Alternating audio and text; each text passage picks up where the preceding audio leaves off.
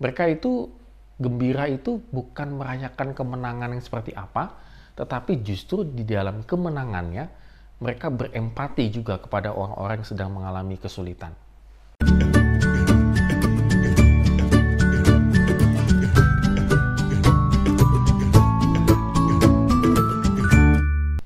Shalom good readers, hari ini kita mengucapkan syukur karena Tuhan memberikan kita kehidupan dan kita akan melakukan segala aktivitas kita. Namun sebelum melakukan aktivitas kita, marilah kita kembali membaca bacaan dari pasal terakhir kitab Esther. Pasal 9 ayat 1 sampai pasal 10 ayat yang ketiga. Dan nantinya kita akan masuk ke kitab Ayub. Ya, good readers kita bisa melihat di sini sepertinya kok ini guncang-ganjingnya luar biasa ya apa uh, yang terjadi di Persia, kerajaannya Ahasiweros. Karena orang Yahudi membalas, tanda petik kayak membalas. Membalas dendam begitu ya terhadap orang-orang yang akan mencelakakan mereka. Nah kalau kita melihat di sini, bahwa sebenarnya kembali lagi, kerangkanya jangan dilihat manusianya langsung membalas begitu tidak. Hal ini diperlukan karena memang di sini adalah kalau tadi kemarin kita baca raja di atas segala rajanya adalah Tuhan, maka secara tidak langsung penulis kitab Esther ingin mengatakan bahwa yang mengalahkan para pembenci orang Yahudi ini adalah memang benar-benar Tuhan yang membalikkan segala situasi. Dan orang Yahudi ini bukan membantai ataupun membunuh gitu ya, membunuh seluruh orang raja Persia, bukan. Yang membenci mereka saja, yang merancangkan kejahatan kepada orang Yahudi ketika titah itu akan dilaksanakan, yang titahnya dari Haman itu. Jadi tidak tidak di tengah jalan ketemu siapa langsung di di ini bukan wah kalau itu sih Raja Ahasiwerosnya bisa ya bisa ini lagi ya bisa bisa berbalik melak, apa membuat titah yang baru gitu ya. Nah, kenapa hal ini diperlukan tanda petik ya e, seperti memusnahkan para pembenci orang Yahudi karena memang mereka itu adalah boleh dikatakan pengikut-pengikut Haman yang setia.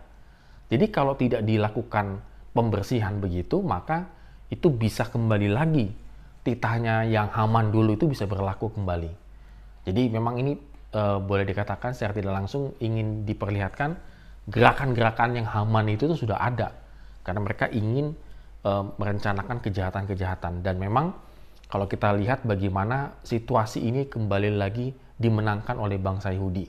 Kalau kita lihat di ayat pertama ada kata orang Yahudi mengalahkan. Nah, itu sepertinya di balik itu sebenarnya Tuhan yang mem yang memenangkan dan mengalahkan musuh-musuhnya. Di ayat yang kelima juga sama. Orang Yahudi mengalahkan semua musuhnya. Nah, akhirnya mereka bisa bisa tanda petik lah membersihkan yang yang melakukan kebencian-kebencian yang luar biasa kepada bangsa Yahudi. Nah, di hari yang ke-14 dan hari yang ke-15 ditetapkan supaya mereka bersuka cita. Orang Yahudi berkumpul, mereka bersuka cita karena mereka di ayat, di ayat yang kedua ya, ayat yang ke-22 dikatakan kepada hari-hari itulah orang Yahudi mendapatkan keamanan terhadap musuhnya dan dalam bulan itulah duka cita mereka berubah menjadi sukacita. Mereka memperingati hari tersebut. Dan hari perkabungan menjadi hari gembira. Dan supaya menjadikan hari-hari itu hari perjamuan dan sukacita dan hari untuk antar mengantar makanan dan untuk bersedekah kepada orang-orang miskin. Ini memang sudah ada ya di zamannya Yahudi ya, di zamannya Israel, zaman dulu banget gitu ya.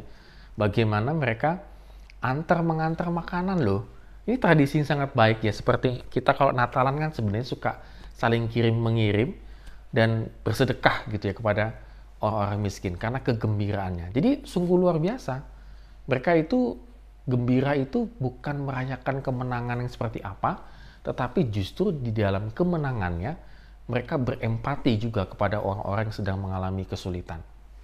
Nah, muncullah hari Purim karena kata karena kata pur itu kita lihat di ayat yang ke-23 sampai 24 adalah satu rencana yang sangat jahat yang akan dilakukan uh, oleh orang Agak gitu ya, Haman bin ha Hamedata, jadi orang Agak seteru daripada semua orang Yahudi.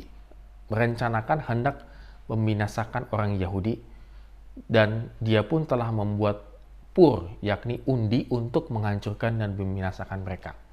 Maka di, dari kata pur itu undian lalu dipakai disebut menjadi hari Purim. Jadi kita bisa melihat di sini bagaimana yang tadinya diundi untuk terbinasakan, tetapi sekarang undian itu seperti dibalik oleh Tuhan menjadi undian kemenangan. Nah, good readers kita bisa melihat di sini bagaimana akhirnya peran daripada Esther dan Mordekai sangat luar biasa terlihat ya, kalau menurut saya sih ya. Sangat luar biasa terlihat oleh uh, penulis kitab Esther. Tetapi di balik itu sebenarnya adalah Tuhan yang memberikan kemenangan kepada bangsa Yahudi. Oleh karena itu, good leaders pada hari ini juga kita kembali lagi boleh merefleksikan diri kita di akhir daripada kitab Esther ini, bahwa apa pun yang ingin kita kerjakan, kita lakukan dalam kehidupan ini, mari kita rencanakan semuanya itu bersama-sama dengan Tuhan. Dan yang kita rencanakan itu adalah satu kebaikan, kebenaran. Bukan merencanakan sesuatu yang diawali dasarnya itu adalah dengan kebencian, dengan kekhawatiran, dengan keirian, dan seterusnya kita bisa melihat Haman hidupnya akhirnya bagaimana. Tetapi ketika Mordekai dan Esther dengan tulus ingin membela, bahkan berbagi ketika mereka memiliki hari kemenangan itu, mereka tidak hanya bergembira untuk dirinya sendiri, tetapi bergembira juga untuk orang lain dengan memberikan sedekah kepada orang yang tidak mampu. Kalau kita pada saat ini sedang dalam keadaan yang sedang berusaha keras, maka kita ingat Esther dan Mordekai, bagaimana mereka memakai strategi yang tulus, strategi yang benar di hadapan Tuhan, sehingga Tuhan memberkati. Kalau pada hari ini kita mendapatkan kemenangan bersama dengan Tuhan, maka di sinilah saatnya kita berbagi. Kesenangan itu bukan untuk diri kita sendiri, tetapi kita berbagi dengan orang lain, bersuka cita dengan orang lain, sehingga ujung-ujungnya adalah nama Tuhan yang dimuliakan. Amin. Have a nice day and God bless us.